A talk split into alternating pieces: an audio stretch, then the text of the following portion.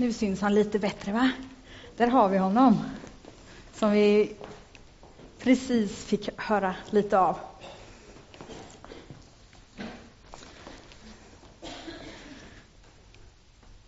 Alltså, när man nu har en Superman-tröja, då får man ju liksom ta på sig den, va? Lite över så här, det går nog bra. Ja, så. Den hade vi på någon hobbygrej för ett par år sedan. Men den var, den passar ju bra idag.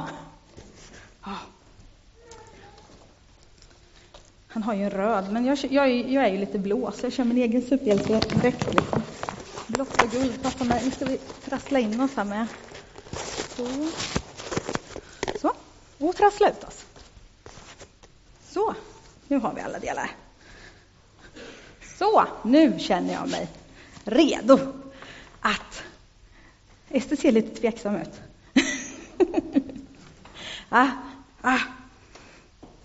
Här har vi en mantel och det är absolut en av de eh, eh, ja, tydligaste, liksom, vem man är. Som, han har ett S även på manteln. Det är så här, man ser ju ryggen ibland på superhjältarna, när de flyger iväg och sådär. Och då måste man ju ha ett bra märke på ryggen så det syns. Även ett bra märke på magen så det syns att man är super, eller hur? Mm. Den här Superman han hade ju faktiskt inga som helst krafter när han kom till jorden och då var han ett litet barn.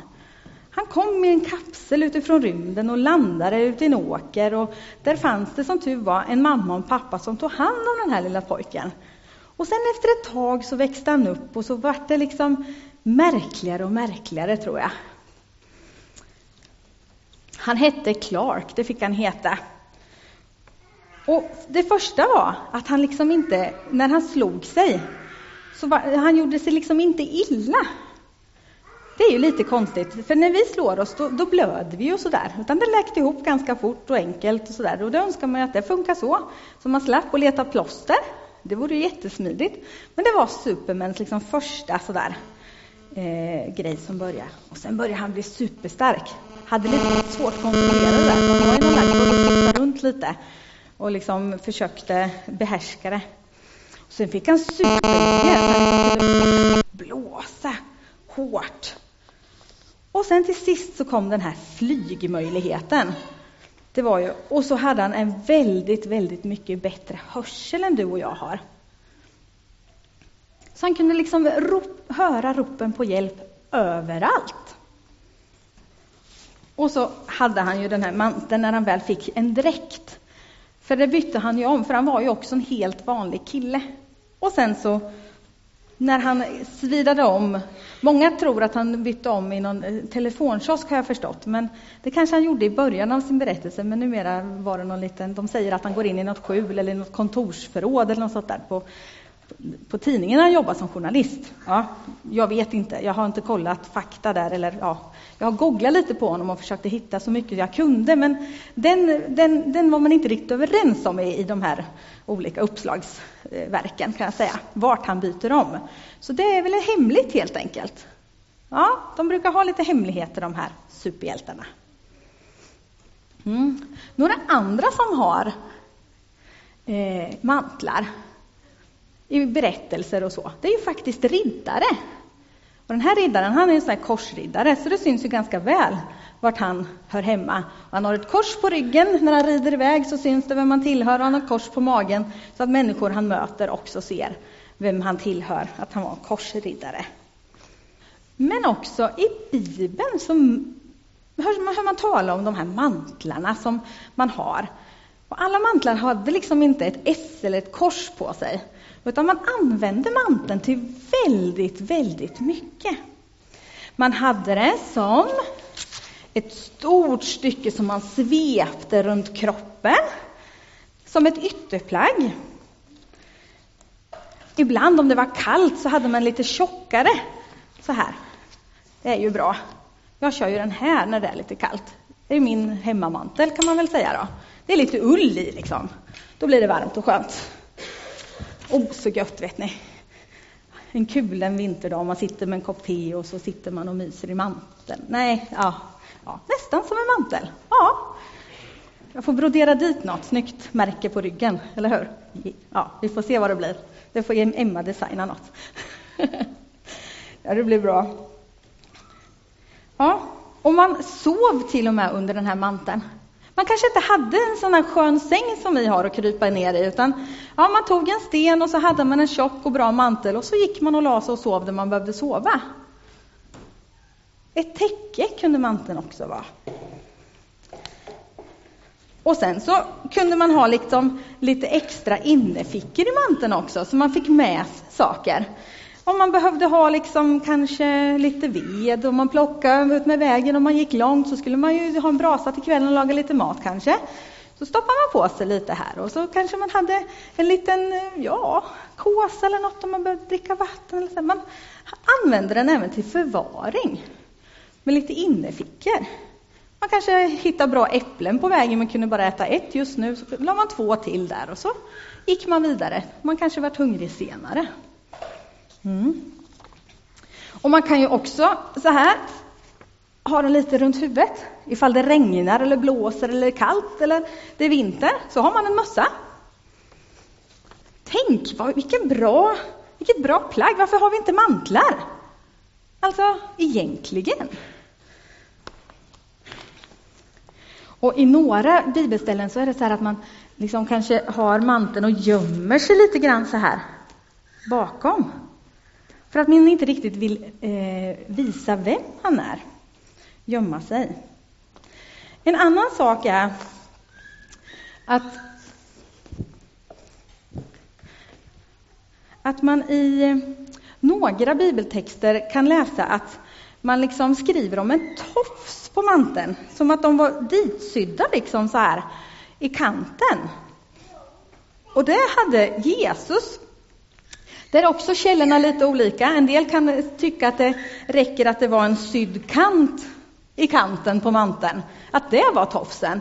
Medan en del skriver att det var en tofs. jag vet inte om det var den här Maria Montazami-tofsen eller om det var mer den här kantsydda tofsen. Eh, ja, där är de också lite oense helt enkelt i källorna. Men eh, en tofs är ju ganska tydlig, tänker jag. Och det finns en berättelse där en kvinna har hört talas om Jesus, eh, sådär lite på håll, och bara hört talas om att han hade på något sätt lite ja, häftiga krafter. Att han kunde göra människor friska och hela. Den är Jesus. Och då var det så här att hon hade varit sjuk i 12 år. Det är en ganska lång tid. Är det någon här som är 12 år, eller? Ja, du är 14, så det är lite kortare än vad du.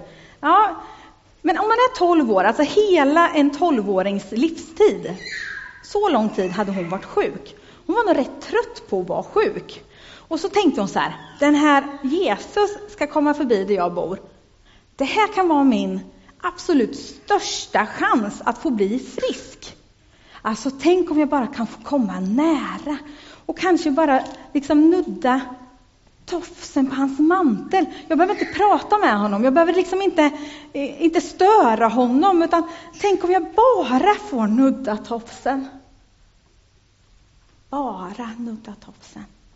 Och hon, det ju, var ju så här att det var väldigt fullt och tjockt alltid när Jesus kom och gick och många ville prata med honom och vara nära honom.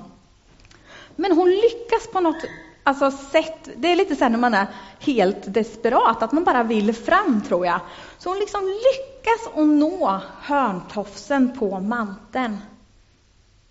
Och Jesus stannar till och undrar, vem var det som rörde mig? Jag kände att helande kraft gick ut ur mig. Och kvinnan gav sig till känna och han välsignade henne och sa att hon skulle vara frisk. Och då blev hon.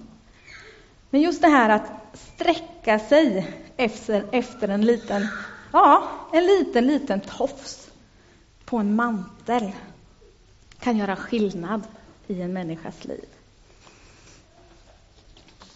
En annan berättelse om en mantel så ska vi få se en liten film som 47 har gjort här.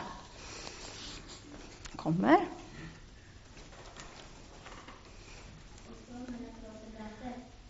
Under två kedjor och utanför dörren fanns vakten bevakade fängelset. Då stod där plötsligt en ängel från Herren och ett ljussken fyllde rummet. Ängeln väckte Petrus med stöd till sidan. Skynda dig upp, sa han. Och då föll kedjorna från Petrus händer. Ängeln fortsatte. Ta på dig bältet och sandalerna. Petrus lydde och ängeln sa, svep, svep dig om manteln följ med, följ mig. Petrus följde med honom, men han förstod inte att det var verkligt.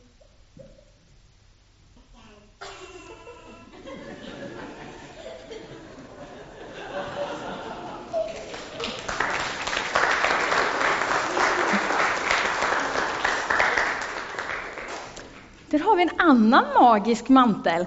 Petrus låg fängslad och han var en sån här viktig fånge kan man säga, för han hade liksom vakter som såg, sov bredvid sig, han hade vakter vid dörren och vakter en gång till utanför. Men så kom det en ängel och la en mantel över honom och han var osynlig, så han kunde liksom bara gå förbi allihop och ingen noterade att han var borta. Sen var det liv i luckan när de upptäckte det på morgonen sen, men det han var ju bland sina vänner igen och kunde jobba vidare och berätta om vem Jesus var.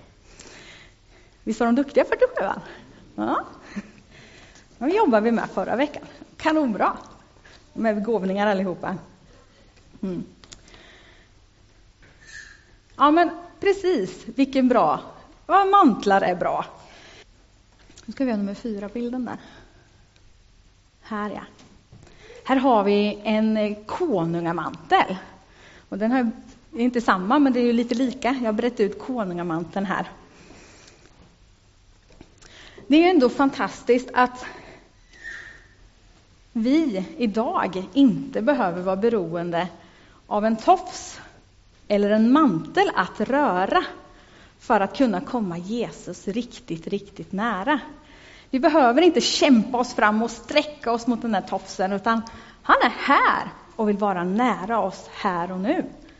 Och vill möta oss precis där vi är just nu. Men vi kan sträcka oss i den längtan, precis samma längtan som den här sjuka kvinnan kände. Den kan vi använda och sträcka oss efter Jesus. Så att han kan skicka, eh, han var ju här på jorden och så sa han att han skulle skicka den helige Ande som vår hjälp. Och han är ju här och hjälper oss. Och jag tänker att den helige Ande på något sätt får vara Guds superman här på jorden. Han lyssnar och hör alla våra böner, för det här är ju något som är konstigt. Hur kan Gud höra alla våra böner samtidigt? Men jag tror att han har hjälp av den helige Ande att snappa upp alla de här bönerna. Och så ber vi till Jesus som puffar på sin fars liksom, sida och säger att kom igen nu Gud, nu, nu kör vi, nu måste vi lyssna här liksom.